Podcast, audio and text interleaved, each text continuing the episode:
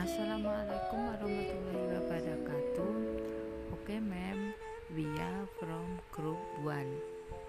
Our group consists of six students. They are me, Kinanti, Nurmeta, Naswa, Esan, Tegar, and Royhan.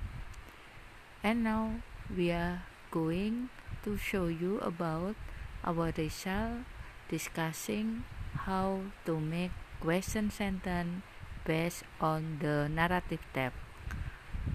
Okay, this is question number one. It is made by Kinanti. My question is Why did you live in the forest? The answer is blah blah blah blah. Okay, ma'am. This is from Royhan. I will show you how to make yes no question. Was she very happy? The answer is yes, she was.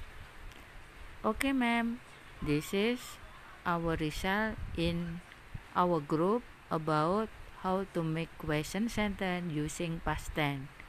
Thanks for listening our presentation and Assalamualaikum warahmatullahi wabarakatuh